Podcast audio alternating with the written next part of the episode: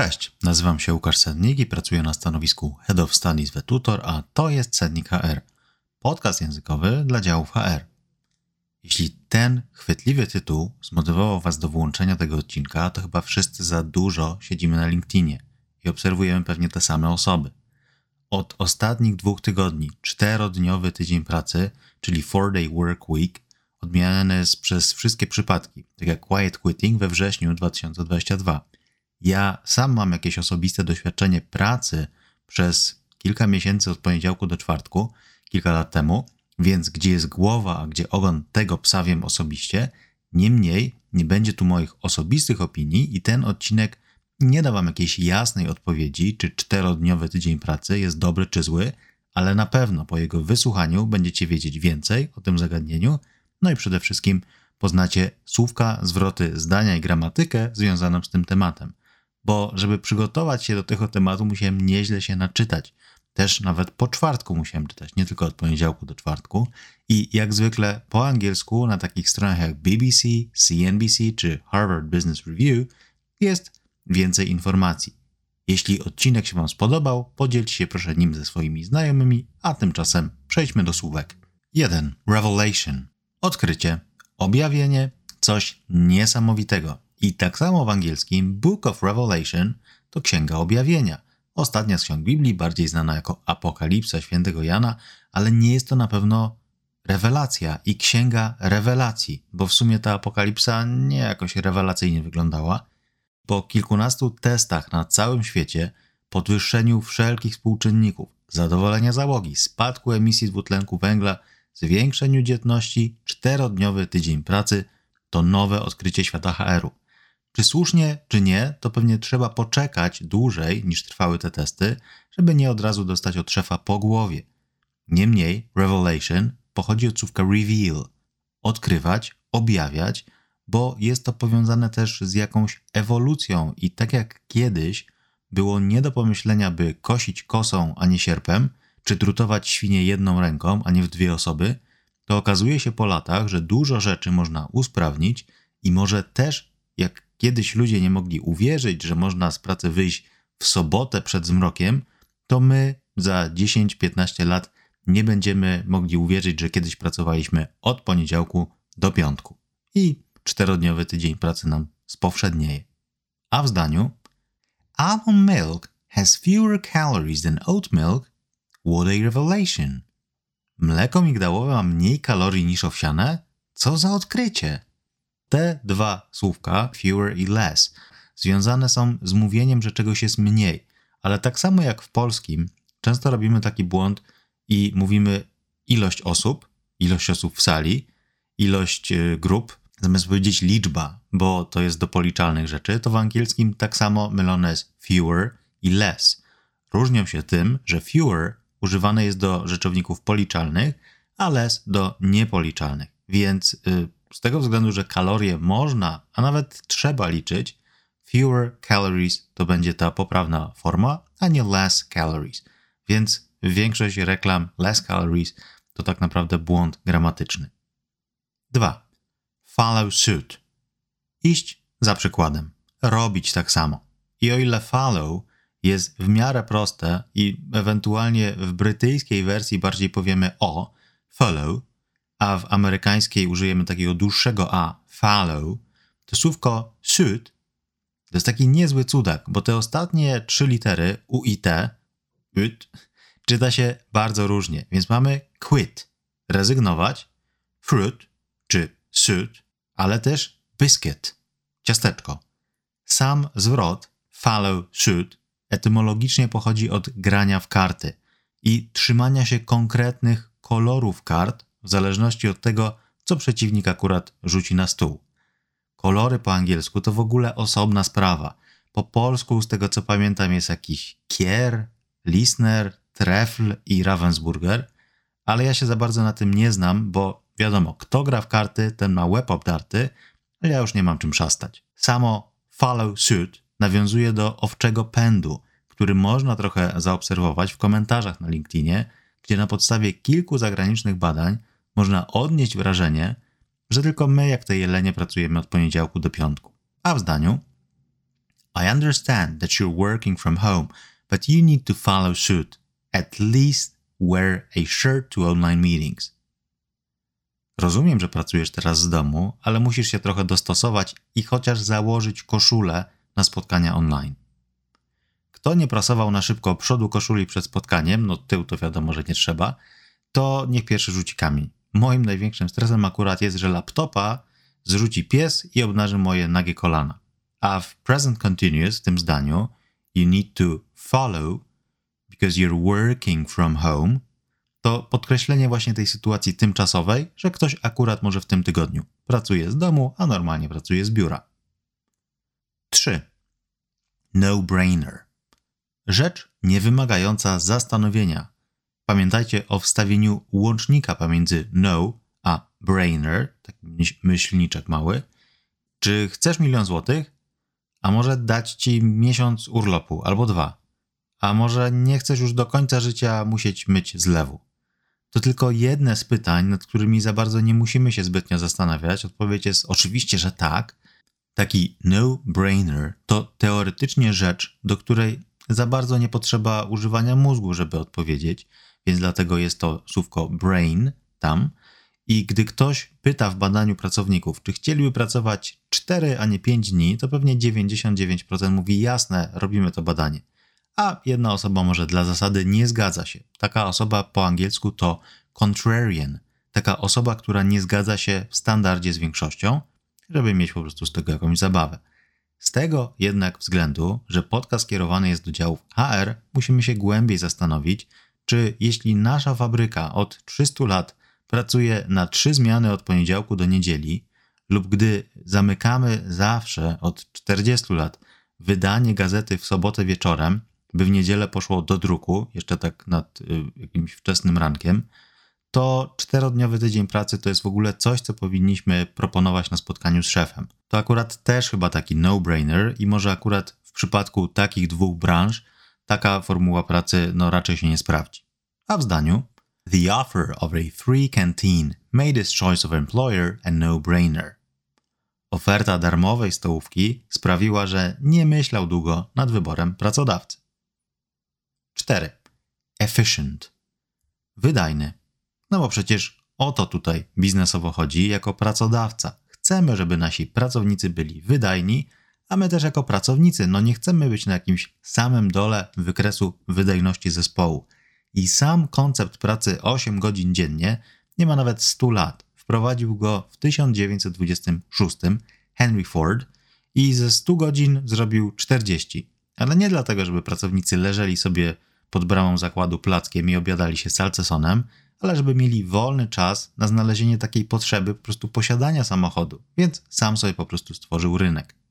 Sama idea pracy 4 dni w tygodniu, a nie 5, jest piękna, ale tak all in all, czyli koniec końców, chodzi o to, żeby ta wydajność po prostu nie spadła, a nawet wzrosła.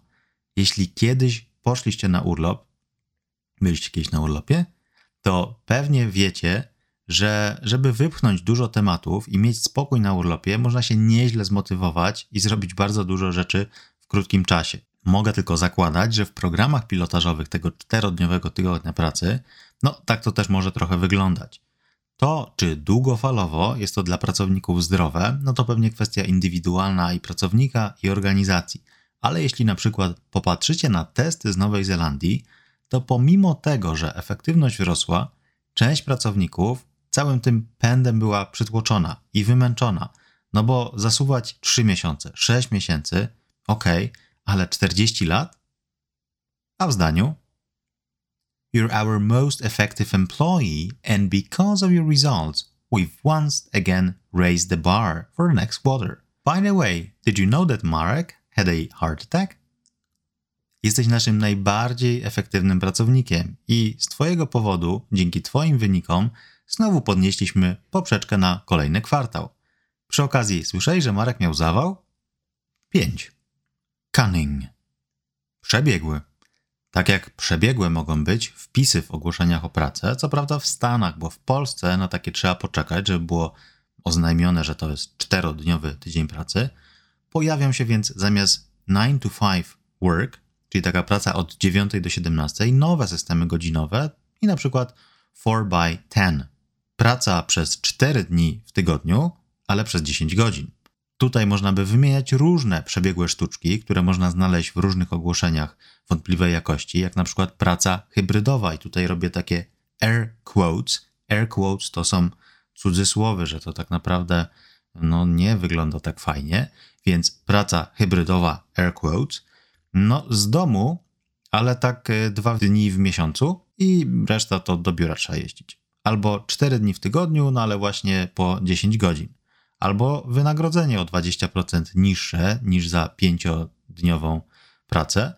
No i słówko przebiegły to jest bardzo ciekawe słówko. Oni chyba, jak wymyślali ten język, to byli bardzo przebiegli, bo w naszym słowniku digi.pl mamy na słówko przebiegły aż 24 różne tłumaczenia w zależności od sytuacji, więc mamy clever, sly, shrewd, cunning, slick, crafty, artful, astute, wily, devious, canny, stealthy, foxy, shifty, adroit.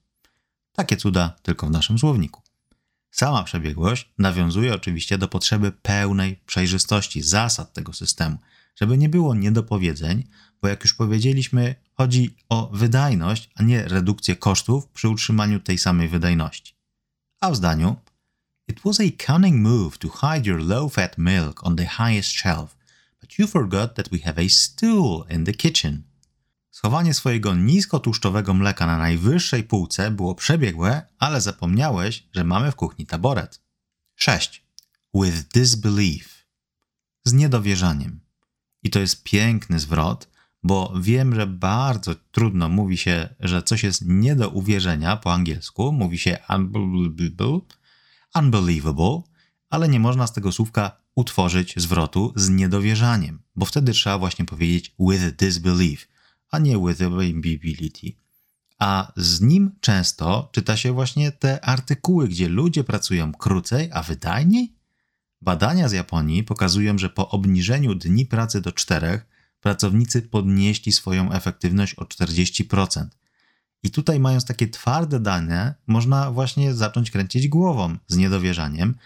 Na pewno musi być jakieś drugie dno, bo to brzmi jak jakaś ewidentnie naciągana reklama typu zjedz 5 kilo kiełbasy codziennie i chudnij nawet do 20 kilo miesięcznie. I w kwestii podniesienia efektywności, no nie na tym powinniśmy się koncentrować i to już chyba mówiłem przy okazji innego odcinka, mówiłem o książce Akwarium Wiktora Suworowa, że pogoń za stałymi wzrostami może się bardzo źle skończyć. A w zdaniu If we improve our sales by working from Monday to Thursday, I'll leave my head with disbelief. Jeśli podniesiemy sprzedaż przez pracę od poniedziałku do piątku, to z niedowierzaniem zjem swoją czapkę. I tu bardzo fajny, mocny conditional, pierwszy conditional. If something happens, I will do something. Czyli mamy present simple po lewej i will po prawej. Mocna obietnica, godna króla, bo gdyby taki warunek został spełniony, to coś na pewno się zadzieje. Kto pierwszy podniesie sprzedaż o 40%, ten w preferencyjnym leasingu firmowego suwa dostanie. To jest coś tak mocnego. 7. Adherent. Zwolennik. I jeśli do dziś budzicie się zlani potem w nocy, bo śnią się wam filozoficzne rozprawki do egzaminu FCE, to adherent to jest właśnie takie typowe słówko z B2 z FCE, gdzie rozkminia się abstrakcyjne tematy jak plusy i minusy posiadania gigantycznej świnki morskiej albo dwóch pępków. Jak ze wszystkim w pracy możecie znaleźć zwolenników, adherent, jak i przeciwników, adversary, czterodniowego dnia pracy. A jak mówi przysłowie, empty vessels make the most noise, hmm, czyli głośna krowa mało mleka daje, ale vessel to jest taki właśnie pojemnik. Tutaj, tak jak mówię od dawna, raczej polski nam nie pomoże, bo według oficjalnych badań nie ma oficjalnych polskich badań i trzeba po prostu czytać je po angielsku. Wykonywano po prostu te wszystkie pilotaże albo w Stanach, Wielkiej Brytanii, Irlandii, Nowej Zelandii, no chyba, że ktoś czyta po japońsku. Więc takich zwolenników samej idei z LinkedIna, no możecie pewnie spotkać w waszych firmach, niemniej ważne, żeby te twarde dane znać troszkę wcześniej. A w zdaniu While you're the loudest adherent of changing the coffee brand, I seldom see you drinking one. Pomimo tego, że jesteś najgłośniejszym zwolennikiem zmiany marki kawy, to raczej rzadko widzę, żeby się pił. I tutaj y, psychologiczny tip, taka porada. I tip to w sumie taka nowozelandzka trochę y, wymowa. Y, niemniej sam oryginalny film What We Do in the Shadows właśnie z tej Nowej Zelandii pochodzi, więc jest to serial o wampirach, ale nie takich zwykłych, tylko pijących krew i mieszkających w trumnach, ale jest tam też taki wampir energetyczny. On się nazywa Colin i chodzi w koszuli swetrze, takim kardiganie. I on się specjalizuje w pracownikach firm i wysysa z nich energię swoim marudzeniem i zrzędzeniem. Ja miałem okazję z takimi wampirami już pracować i wiem, że takie osoby żyją często różnymi aferami, intrygami, kochają, gdy coś się dzieje, no i można sobie pomarudzić przy widowni. Niestety obecne przepisy BHP zabraniają przebicia ich osikowym kołkiem, więc zanim usłyszycie w firmowej toalecie, że a, w Japonii wprowadzili czterodniowy tydzień pracy, a u nas bida i do 17 trzeba siedzieć, to taką osobę można poprosić na słowo, poprosić o przygotowanie analizy międzynarodowych pilotaży z podziałem na branżę, no i powiedzieć, że przyda się to prezentacji dla zarządu. Krucyfiks w szufladzie i czosnkowe almette też nikomu nie zaszkodziło, więc warto mieć. 8. Novelty Effect. Efekt nowości. Jakieś 100 lat temu w pewnej fabryce, w, w fabryce w Chicago, w pewnej fabryce w okolicach Chicago, Cicero nazywało się takie miasteczko, czyli Cyceron, to oni tam fajnie sobie nazywają właśnie te miasta, było takie badanie nad pracownikami, czy zmiana oświetlenia w fabryce wpłynie na ich produktywność. No i po zwiększeniu ilości światła okazało się, że tak, produkują więcej. Po przyzwyczajeniu się do zwiększonego światła ta produktywność zmalała. Więc dano sobie spokój, zmniejszono tą ilość światła, no i wtedy znów ta produktywność wzrosła. No i chciałbym wtedy zobaczyć minę tych naukowców, że to niezależnie w sumie co się dzieje, to wzrost produktywności jest. Ale okazało się, że ludzie po prostu lubią, jak coś się dzieje, zmienia się coś w pracy, ogólnie ktoś ich bada, zadaje pytania, więc mogę tylko zakładać, że takie 6 miesięcy pracy czterodniowej mogło podnieść wyniki niektórych firm, no bo właśnie ludzie byli taki, tacy zaopiekowani, poczuli się, że ktoś się nimi interesuje. Więc to też trzeba brać pod uwagę. A w zdaniu Let's wait till the novelty effect wears off and get back to the previous chair layout. Poczekajmy, aż efekt nowości przejdzie i wróćmy do poprzedniego ustawienia krzeseł. To find a phrasal verb to wear off, czyli ustępować, mijać na przykład o bólu, o działaniu leków, no i sam kontekst też jest bardzo fajny. Może pamiętacie, y, i w waszym przypadku też tak to wyglądało, po prostu każdej zmianie ustawienia krzeseł w podstawówce, w liceum czy na studiach towarzyszyła ekscytacja, bo ojejku, teraz w U ustawili. I to był właśnie taki novelty efekt, że do takiej dziwnej sali się jakoś tak fajnie wchodziło. 9. Redundant. Zbędny. Tak jak zbędne zadania w pracy i przyznam szczerze, że obecnie gdyby ktoś mi powiedział, że mam pracować 4 dni w tygodniu, to zagrałbym tak mocno zęby, że wypadłyby mi plomby, bo na liczbę zadań akurat nie narzekam, ale prawdą jest, że pracując w biurze kilka lat temu w innej absolutnie firmie i też przy większym zespole metodycznym, Zdarzyło się wspólnie z kolegami jeść godzinę jedną kanapkę albo bawić się w kółko grania też foro kanciaste, a obecnie, gdy spotykamy się z Tomkiem Słomą, to mówimy sobie po prostu numery dowcipów, bo nie ma czasu na opowiadanie całych. Niemniej, w dużej organizacji liczącej kilkaset, kilka tysięcy osób, na pewno z niektórych spotkań można zrezygnować, coś można usprawnić, czy po prostu mniej czasu poświęcać na robienie jakiejś rzeczy. I tu podejrzewam, że często kryje się clue czterogodzinnego tygodnia pracy, bo gdyby ktoś mi powiedział, że jak zrobię wszystko, co mam zrobić, to mogę iść do domu o 11, to do 11 byłbym po 30 rekrutacjach i nagranych czterech odcinkach podcastu. Dodatkowo, samo zastanowienie się właśnie nad tą efektywnością wykonywanych obowiązków, technikami zarządzania projektami czy sobą w czasie, analizie czasu marnowanego na zbędne czynności, może w wielu firmach pomóc żeby przygotowały się na przywitanie na wchodzące na rynek pokolenie Z. Bo jeśli za kilka lat młodemu, silnemu, zdolnemu pracownikowi powiemy, że ma klikać w komputer od 9 do 17 przez 40 lat, to może się okazać, że niejedna osoba przegoni Usaina Bolta biegnąc do windy.